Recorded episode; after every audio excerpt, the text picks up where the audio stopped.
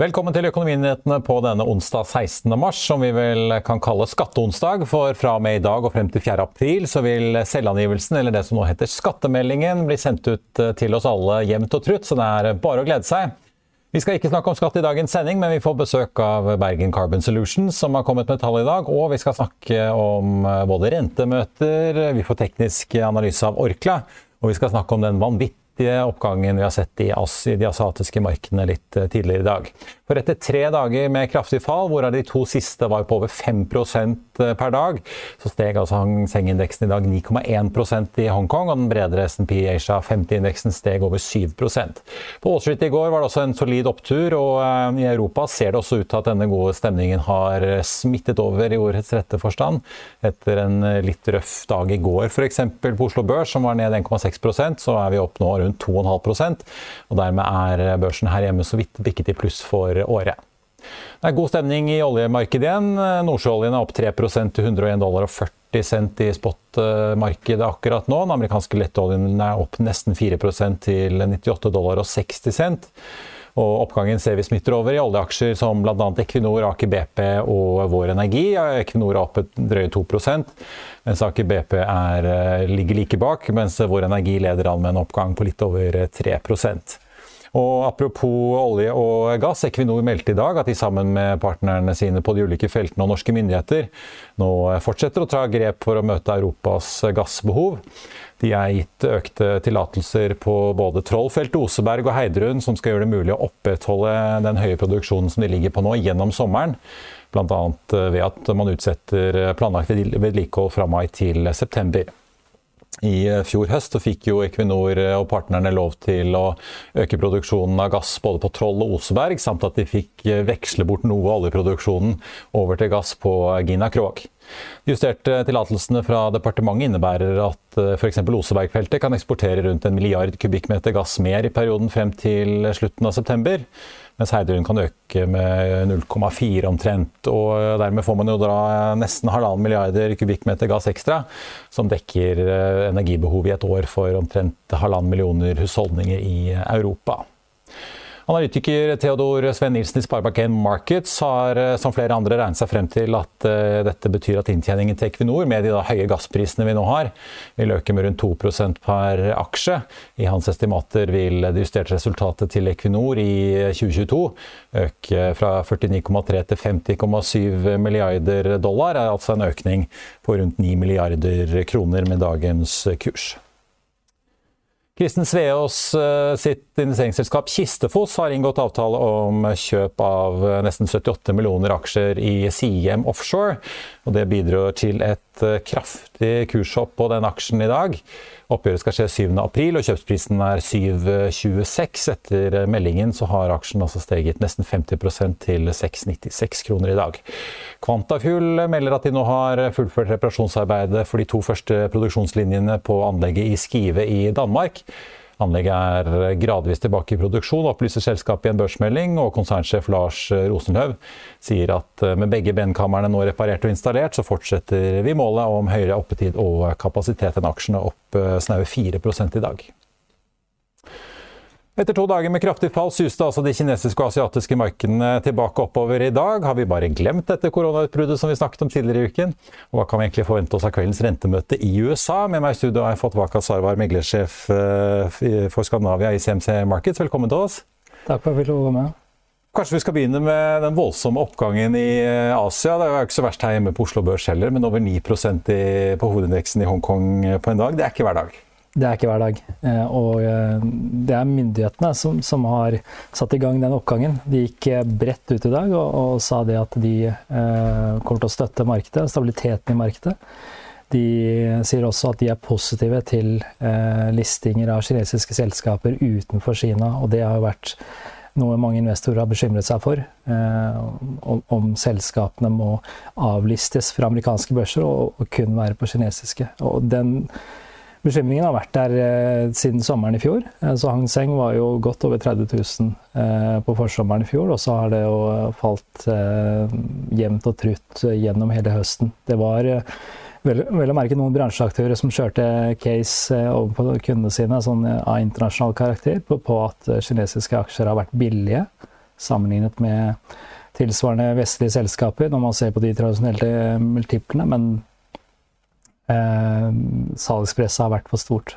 Ja, men da, ja, for, altså, typisk uh, selskaper som er listet i USA, de kjenske, Alibaba f.eks. Alibaba, Baidu eh, og, de, og, noen av disse her, eh, fremadstående elbilselskapene, også Xpeng bl.a., er, er jo en av selskapene som stiger veldig i dag.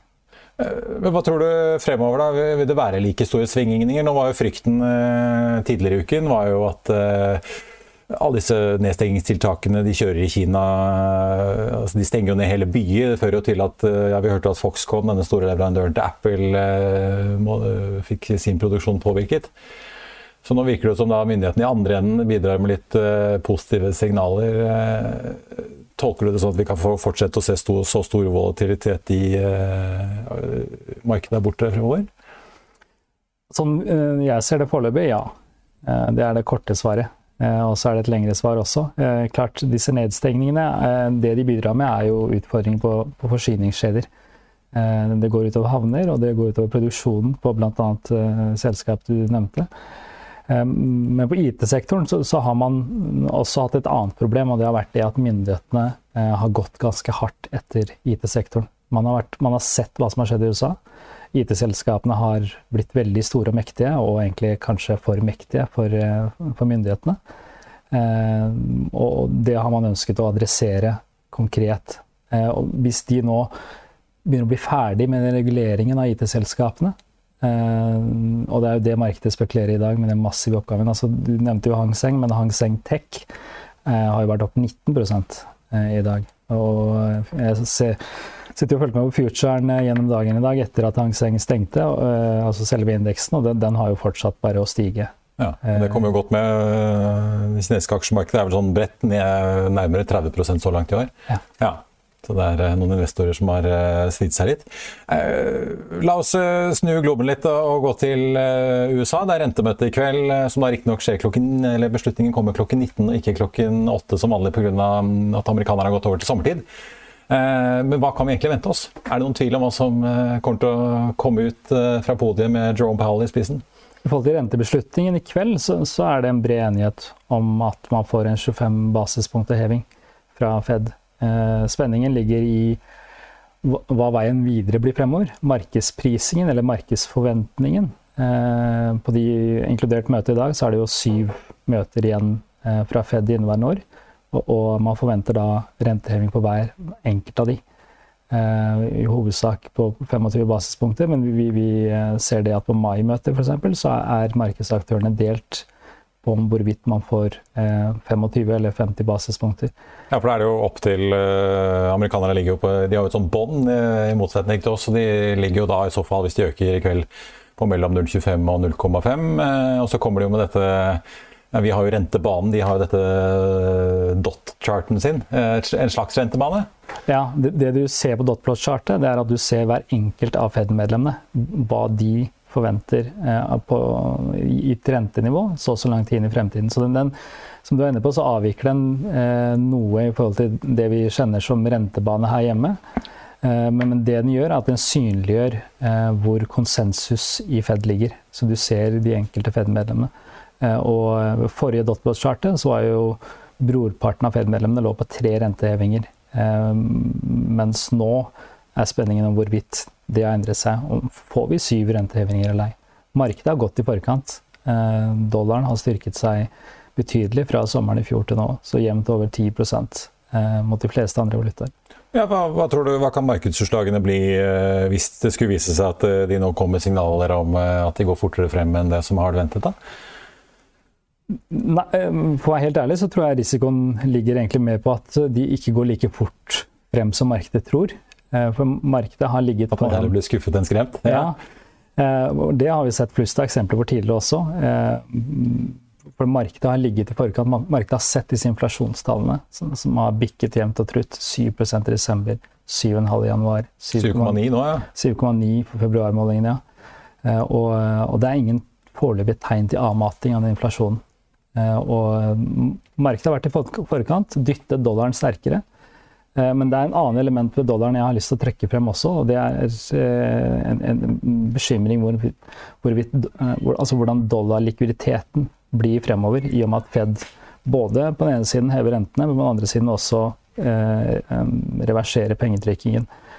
Og eh, det sammen med situasjonen vi ser med Ukraina og sanksjonene som ble innført der, eh, og aktører som sonderer mulighetene for å gjøre råvaretransaksjoner utenom dollar, kan på sikt eh, gå utover dominansen dollar har i, i, i de finansielle markedene.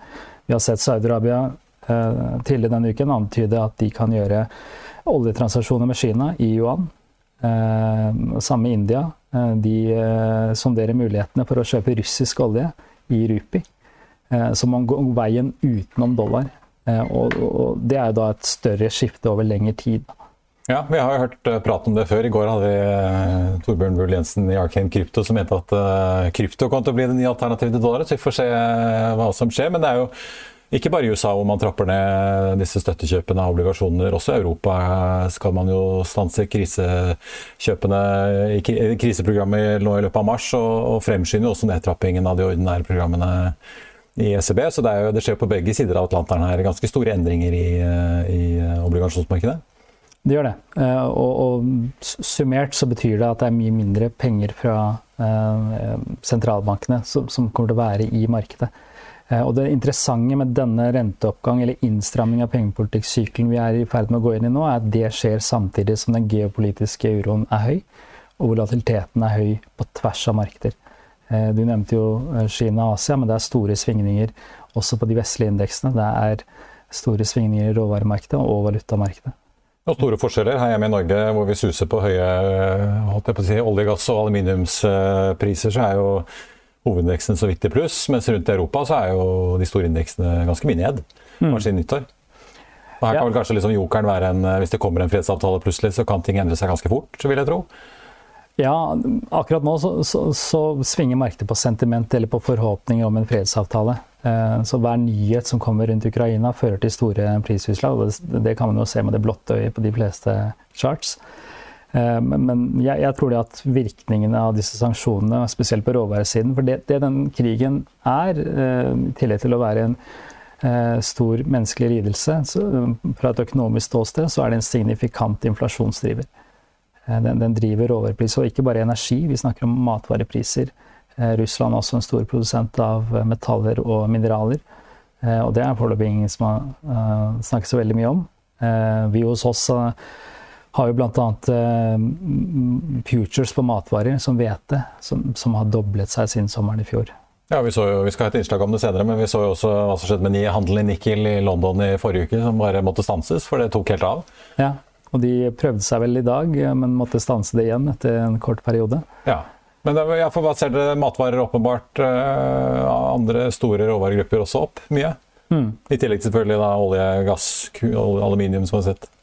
Ja, altså det er jevnt over råvarer generelt. Eh, håper å si over hele linja. Eh, begynner på olje og gass, og, og hvorvidt det gjelder olje, så, som produserer Eller i januar så produserte Russland 11,5 millioner fat om dagen. Eh, og, og, rundt 60% av det går til eksport. Eh, så, så Enten så må de eh, strømmene på en måte flyte litt annerledes, flyte mot Asia kanskje, og vi må her i Europa hente mer olje fra Midtøsten, eller, eller så må noen av de produsentene, kanskje i USA og, og, Saudi, øke produksjonen sin. Fordi man mangler eh, olje som var mistet egentlig fra, fra, Russland. Ja, Vi har jo sett at praten med Venezuela plutselig virker å ha tatt seg litt opp igjen eh, mellom USA, så vi får se om de får i gang den eh, traden der. Ja, den, den, oljen er litt annerledes. så vidt meg, Nå skal ikke jeg bi meg ut for å være Tung og seig er den i hvert fall, vet du. Ja, tung og seig. Eh, og det betyr at det ikke er like mye kapasitet kanskje her i Europa til å ta den imot og raffinere den til, til at vi kan få bensin og diesel og flybensin. Maka Sarwar, meglersjef eh, for Skandavia i CMC Markets, takk eh, for at du kom. Og så får vi følge med på hva Jerome Powell sier i kveld. Før vi går videre i sendingen, husk at du også kan se sendingene våre ved å gå inn på fano-tv, og at vi også har andre podkaster enn bare Økonominyhetene, som Morgenkaffen, Gründerpodkasten Veien hit, Ukens vintips, Kunstpraten og bilpodkasten Mil etter mil. De finner du ved å søke Finansavisen, der du hører på podkast. I'll see you in court. Vi sier det ofte litt på spøk, men for deg som driver business, er det aldri moro å innse at du ikke har laget en 100% gyldig kontrakt. Du bør ikke risikere hele firmaet ditt fordi du synes dette med kontrakter er litt stress. En avtale er ikke en avtale. Du kan miste kunder, miste venner, ja, til og med miste inntekter om du ikke lager en skikkelig kontrakt, på alt mulig, egentlig. Men vi vet det er et styr. Kopimaskiner, tregprinter og haugevis av papir. Dessuten stoler vi jo på folk her i landet. Det er ofte litt kleint å skulle be om en signatur for alt mulig, ja, for mye av styret handler også om jakten på underskriften. Det finnes en enkel måte å løse dette på, Dukkobit, en trygg, effektiv og get this, gratis måte å sikre seg en god natts søvn pluss en juridisk bindende avtale. Dukkobit-appen har de strengeste sikkerhetskrav i bunn, samt en EU-godkjent og sertifisert teknologi. Framover vil det bli behagelig å spørre du, skal vi skrive under på det, eller? Kom i gang på dokobit.no. Og I forrige uke som nevnt, så ble jo altså handelen i metall og nikkel plutselig, plutselig, stanset på litt dramatisk vis på metallbørsen i London. Prisen skjøt så raskt opp i været at eh, man rett og slett mistet kontroll og fryktet eh, ganske store konsekvenser. Men som, vi, men som vi skal se i dette innslaget fra Bloomberg, så gikk det ikke så veldig lang tid før ting stoppet opp igjen da man skrudde på handelen litt tidligere i dag. The nickel story is really pretty crazy. What was the market expecting? Well, the market was expecting a limit down uh, 5%, and that's exactly what happened when it opened up. Uh, nickel fell 5%. The LME said that there were some technical issues that forced them to halt trading. There might have been some trades that were below the 5% um, marker there, and so they're looking into that. Um, but trading has been halted after just a few minutes uh, into the session, and that was largely expected. You know, prices were expected to come down. Analysts were saying that we were probably going to see a limit down, um, and it still is a long ways away from the uh, the Chinese uh, prices that China has been trading uh, over the last week. LME hasn't, uh, so it kind of fits no. in that gap. Um, but going forward, volatility is going to be the name of the game, I think. Yeah. Stephen, I, I, mean, there are a number of people that are saying, look, because the LME is, you know, for the moment broken, certainly when it comes to nickel, they need to figure out what they do next. The, the real way of pricing nickel should be in China. Yeah, yeah. I mean that's that, that's the market that that has ability to trade up and down. Uh, when LME, if, if things just move by five percent and it's it's done, uh, there's not much wiggle room there. Uh, also, I think there are a lot of folks who don't really have much faith in the exchange because LME did cancel a lot of those trades on Tuesday. You know, you have to remember Monday and Tuesday prices were up 250 percent. Now, when you have a limit of five percent, that doesn't really offer much ability. And if you have to make that gap and continue going down, that's going to be a lot of limit down down days, and that's going to be a lot of time where people aren't going to be able to enter a position or trade it uh, like an actual market. So Shanghai provides you with the ability to actually uh, trade the metal. Uh, but of course, uh, LME has always been a benchmark. You're going to see a shift in the short term. That is something uh, that analysts are looking at very closely. Da skal vi over til en ny gjest som er sjef i en av de, det som gjerne kalles de grønne aksjene på Oslo Børs. De har en rekke kjente investorer på eiersiden, inkludert eh, Øystein Strauss Betalen Saga Pure og Avilco. Og vi lurer jo da på hvordan denne satsingen på karbonnanofibre går. Velkommen til oss, Jan Sagmo, administrerende direktør i Bergen Carbon Solutions. Tusen hjertelig takk for det. Kanskje vi skal begynne med det. Karbonnanofibre. Ja. Hva, hva, er det for noe? Jo, altså Det er jo enkelt og greit karbon i sin reneste form. Det finnes jo to mer kjente karbonmåter, og det er jo da grafitt og diamant. Der diamant er veldig sterkt pga. at det blir trykket over lang tid, som gjør at de bindingene er veldig harde. Eh, er også en isomer, som det kalles. Dvs. Si at den samme karbonmolekylet, men det er satt sammen i en hønsenettingsstruktur med flere lag av grafen. Det er rett og slett eh, karbonnanofiber. Og det kan man jo lage fra naturgass, hvis jeg skjønner det riktig, sånn på gamlemåten, men det gjør ikke dere? Nei, altså det finnes jo to kommersielle metoder å lage karbonanofiber på. Det ene er elektrospinning, det andre er kjemisk dampavsetning.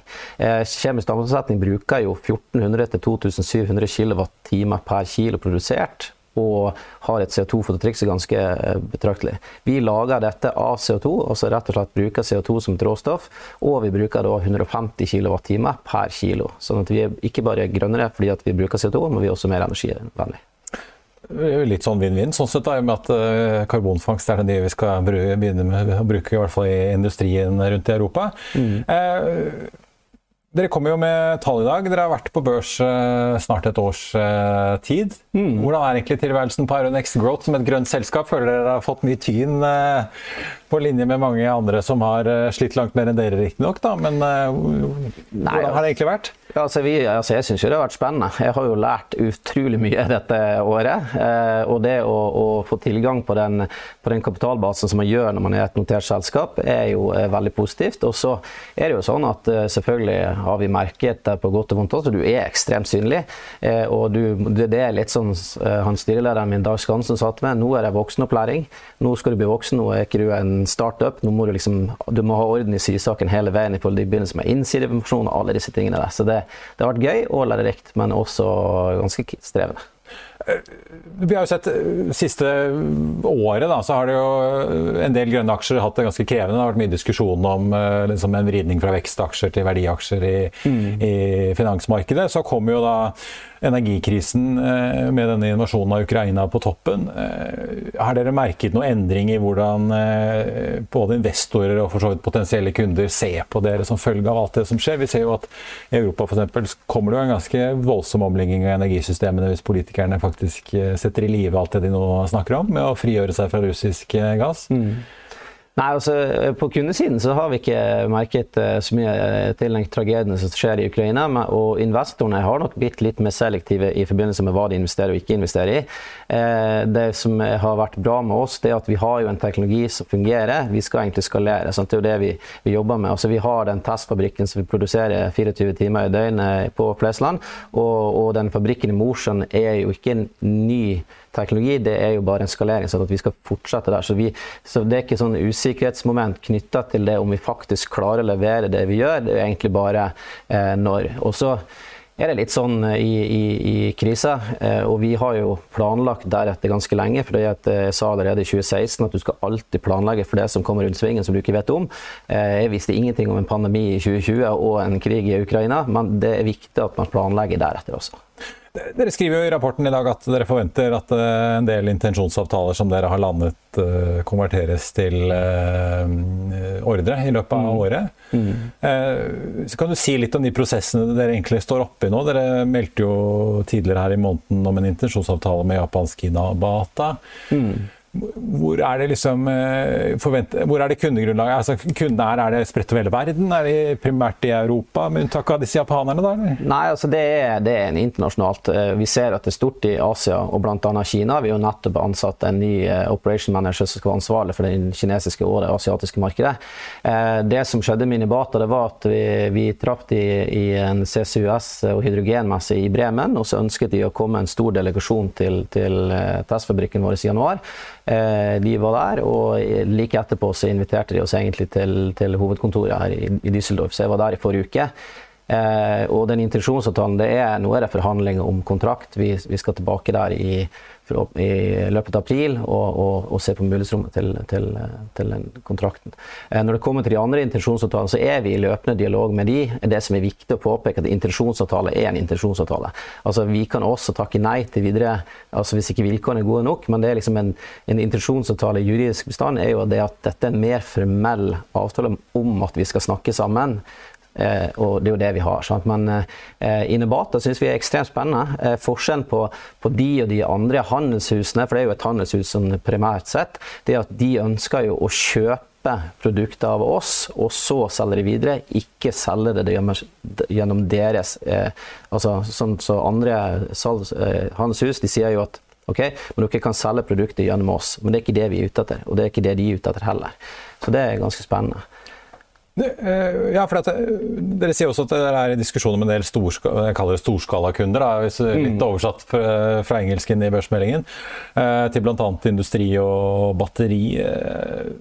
Men er det Er det egentlig bare snakk om volum for dere, eller må dere gjøre tilpasninger på sluttproduktet, avhengig av hvem dere selger til? Nei, det, det, vi har jo tre typer produkter, eller det er samme produkt, men tre, tre typer renhetsgrader. C1, C2 og C3, der C1 er den reneste. Eh, eh, og når det kommer til batteri, så er jo hovedfokuset vårt der er at du blander eh, 1,2% karbonanofiber, f.eks. i anodegrafitt, så vil du få 20 bedre kapasitet, du kan få reduksjon på vekt, du får motstand. Sånn som den forskningen til Beyond der, der fikk de jo med 7 innblanding av vårt produkt, så reduserte de motstand i batteriet med 42% som er ganske vesentlig. Og det er jo det vi ser. Og kundene som snakker med oss, de er jo interessert i for det å, å ha elbil er er ikke bare det at du skal være grønn når du kjører der, men det skal faktisk være grønt fra A til Å. Og det ser vi også på interessen. Sant? Eh, eh, jeg har jo hørt en sum at eh, når det gjelder anodegrafitt, så ble det vel produsert 462 000 tonn i fjor, og det skal gå 200 ganger dette tiåret pga. elektrifiseringen. Og der er jo en spennende. Eh, ja, det er voldsomme volumer? Ja, det er sinnssyke volumer. Men det er ikke mange prosentene som vi skal inn. Men igjen, altså 1 av 462 000 tonn er jo vanvittig mye. Nå sier jeg ikke at vi har avtaler på det, men det er jo det som vi ser for oss. Det er den prosenten. For da får du en, en, en økning i, i, både kapasitet og sykluser og sånne type ting.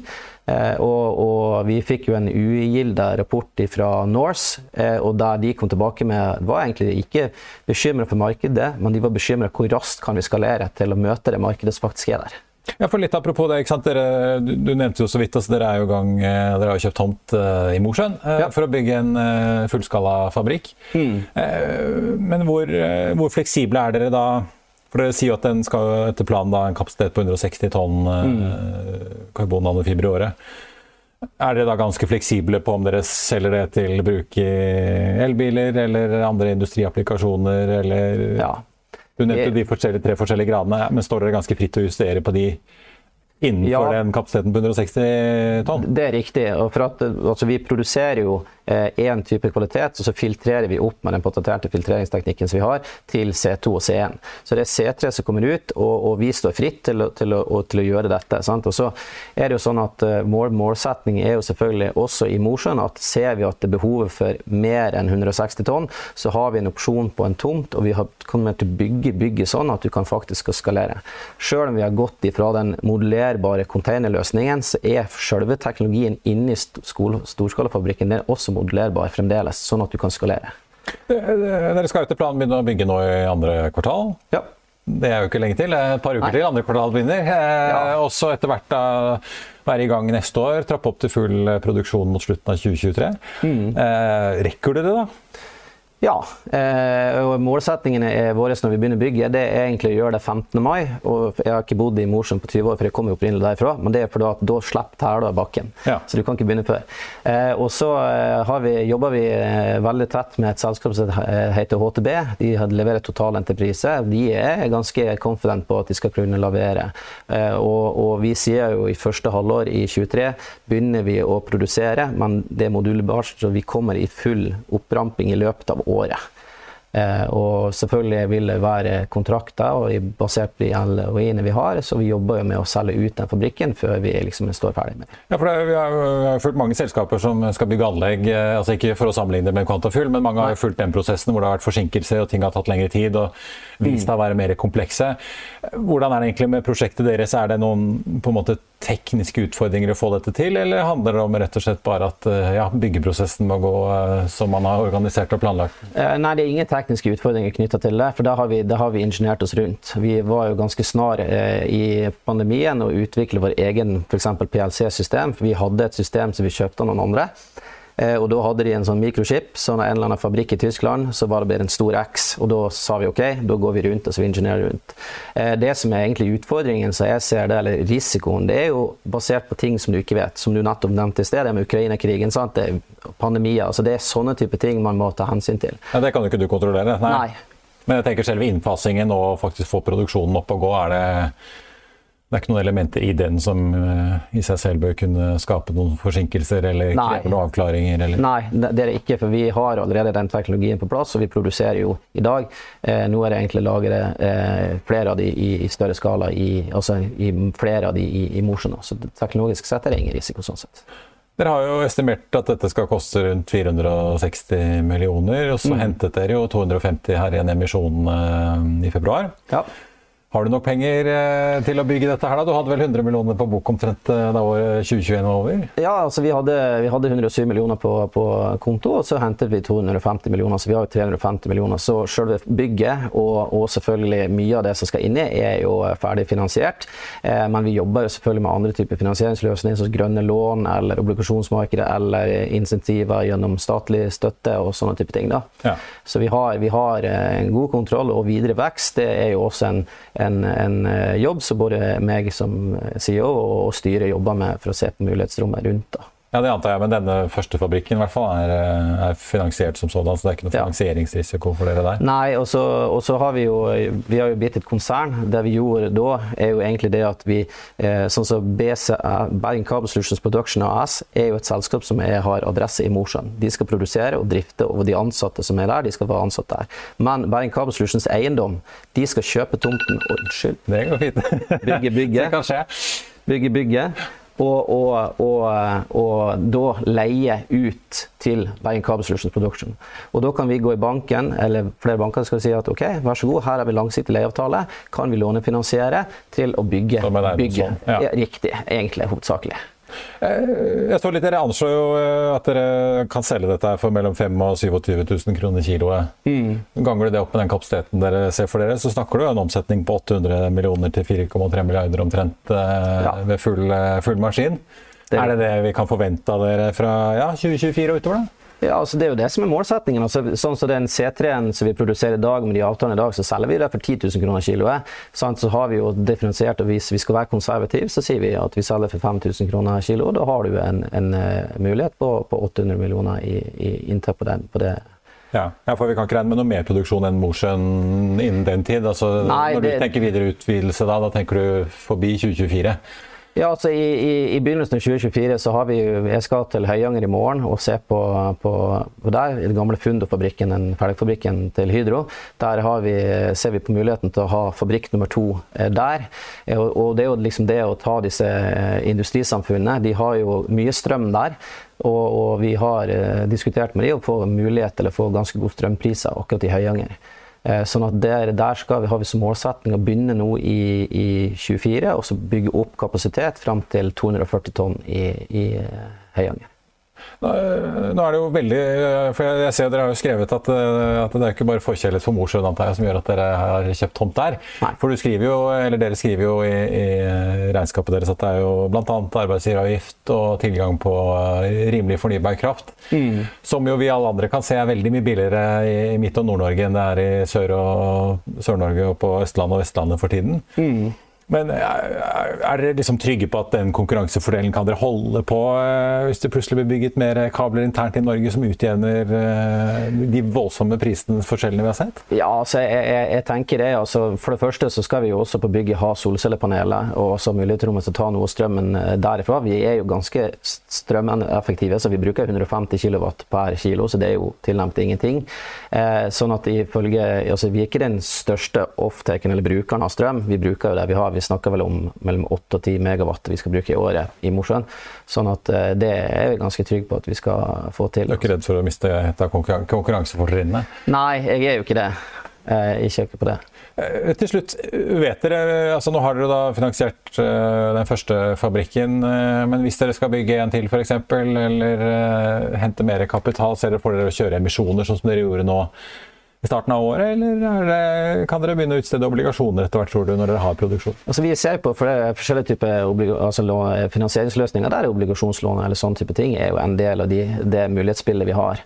Så hvordan vi skal eh, finansiere den videre veksten har vi ikke helt bestemt, men, men, men vi er i dialog med, med aktører og knytta rundt akkurat det. da. Ja. Vet dere når dere skal på en måte legge den planen og annonsere den utad? Nei, det blir, eh, det blir nok ikke eller, i altså, i løpet av året. Jeg forventer jeg at vi har en plan på det. Ja. Jan Sagmo, eh, administrerende direktør, eller konsernsjef, da får jeg da si i Bergen Carbon Solution, Takk for at du kom til oss, og lykke til. Tusen hjertelig takk for det. Og da skal vi ta en titt på Oslo Børs akkurat nå. Hovedindeksen er opp eh, 2,7% og dermed ligger det an til at vi fortsatt holder oss i pluss for eh, året. Bergen Carbon Solution, som vi akkurat hadde besøk av, som også slapp regnskapet for 2021 i dag. De er opp 4,3% så får vi ta med at Norwegian Energy Company opp 4,1% De melder i dag om at boliganlegget til Tyrafeltet i Danmark nå har seilt fra verftet i Italia som det skal, eller etter plan. da. På listen over de mest omsatte aksjene på Oslo Børs er det nå kun Yara som er i rødt, ned 0,2% Ellers er det grønt, og ganske kraftig grønt eh, jevnt over på listen. Equinor opp 2,7% Hydro på nummer to opp 4,4 Aker BP like etter på 1,8% opp. DNB også solid opp 3,2 mens eh, Kahoot også ligger oppe med 3,3% Og så er faktisk også oljemyggen Interoil oppe på listen over de mest omsatte aksjene igjen. Vi har jo snakket om den tidligere, den vanvittige utviklingen den aksjen har hatt. Den eh, aksjen stiger i dag nesten 20 og så har vi da markedet i USA også åpnet, i og med at USA da plutselig, eller i hvert fall østkysten, ligger eh, bare fem timer etter oss nå før vi går over til sommertid. Dow Jones opp 0,9, Nasdaq opp 2% SMP 500 opp 1,2 i Finansavisen i morgen kan du lese Trygve Egnars leder om oljeprisen som lottokupong. Du kan lese børsintervju med Roy Tilly i Arctic Securities, og du kan lese om at den europeiske sentralbanken kanskje har bommet grovt i et av sine viktigste anslag. Det var det vi hadde for i dag, men vi er tilbake i morgen klokken 14.30. Husk rentemøtet i USA klokken 19.00 i kveld, altså. Det og siste nytt får du som alltid på fa.no. Og så håper jeg at vi ses igjen her i morgen. Takk for i dag.